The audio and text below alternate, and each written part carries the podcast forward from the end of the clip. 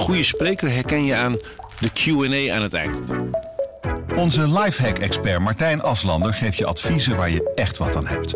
Beluister en bekijk Martijn of een van onze andere experts op businesswise.nl. Businesswise, het nieuwe platform voor iedereen met ambitie. Goedendag. De Volkskrant praat je in 5 minuten bij met het nieuws van maandag 6 september.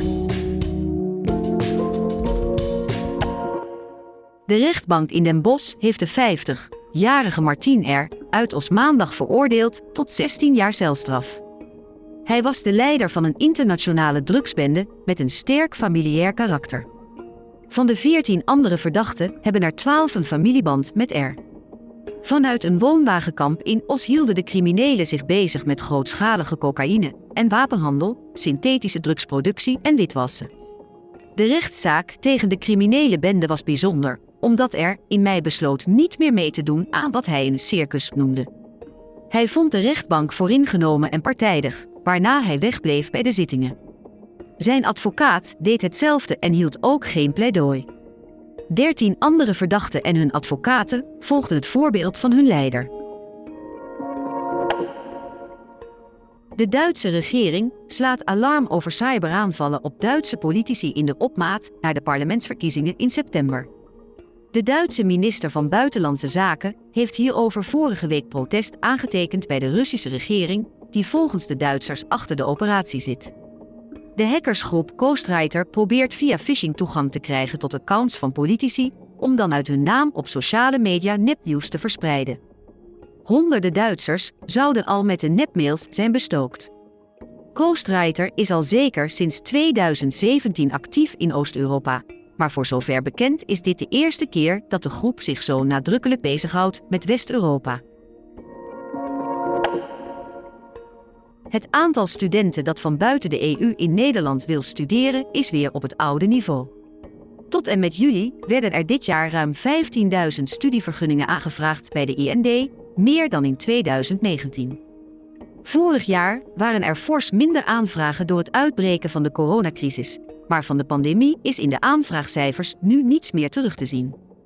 De meeste studenten van buiten de EU komen dit jaar uit China, India, de Verenigde Staten, Turkije en Indonesië.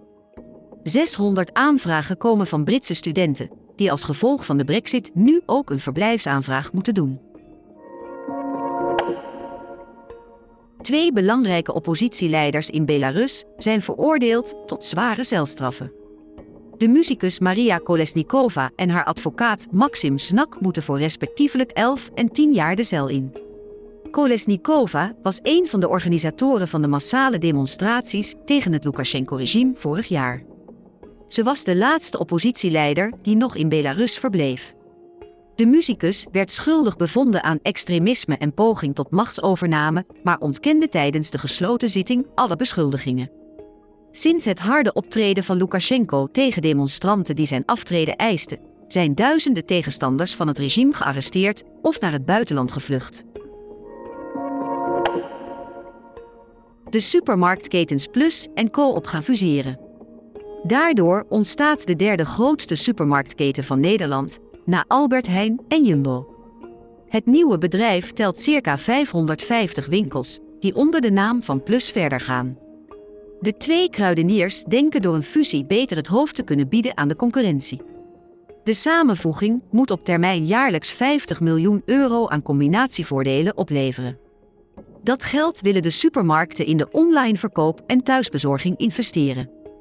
Dat is het terrein waarop de Nederlandse supers steeds meer concurrentie van nieuwkomers ondervinden. Dit was het nieuws in 5 minuten van de Volkskrant.